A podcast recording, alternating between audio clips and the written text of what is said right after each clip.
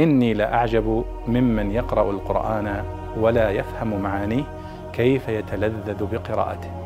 كيف يتلذذ بقراءته. يقول الله سبحانه وتعالى يسألونك عن الأنفال قل الأنفال لله والرسول.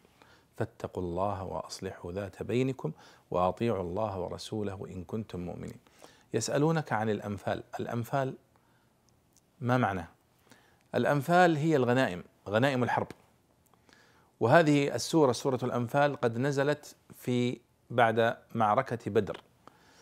أول معركة في الإسلام غنم النبي صلى الله عليه وسلم وغنم الجيش الإسلامي غنائم من المشركين. ولم يكن قد نزل قبل هذه الآية أي بيان للحكم الشرعي في الغنيمة. فسأل الصحابة رضي الله عنهم النبي صلى الله عليه وسلم عن الحكم الشرعي في الغنيمة. فقال الله يسألونك عن الأنفال يعني يسألونك عن حكمها الشرعي. قل الأنفال لله والرسول. يعني حكمها راجع إلى الله وإلى رسوله صلى الله عليه وسلم. فإذا الأنفال سميت الأنفال أنفالا لأنها زائدة. والشيء النفل هو الزائد. صلاة النفل هي الزائدة عن الفريضة. وكل ما أعطيته غيرك نفلته إياه فأنت قد أعطيته إياه عطاء زائدا عن الأصل وعن الواجب.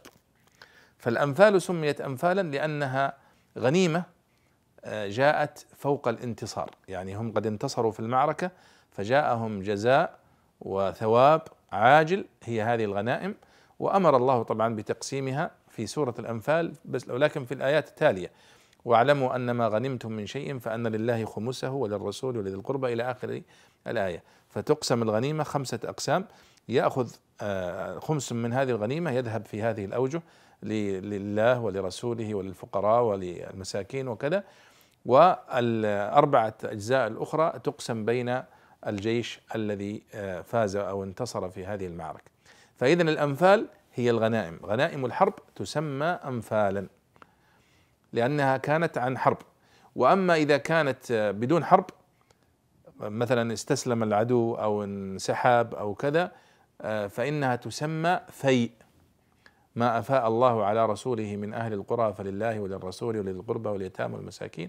قالوا الفيء ما جاء دون قتال والأنفال والغنائم ما جاءت بقتال. والله أعلم.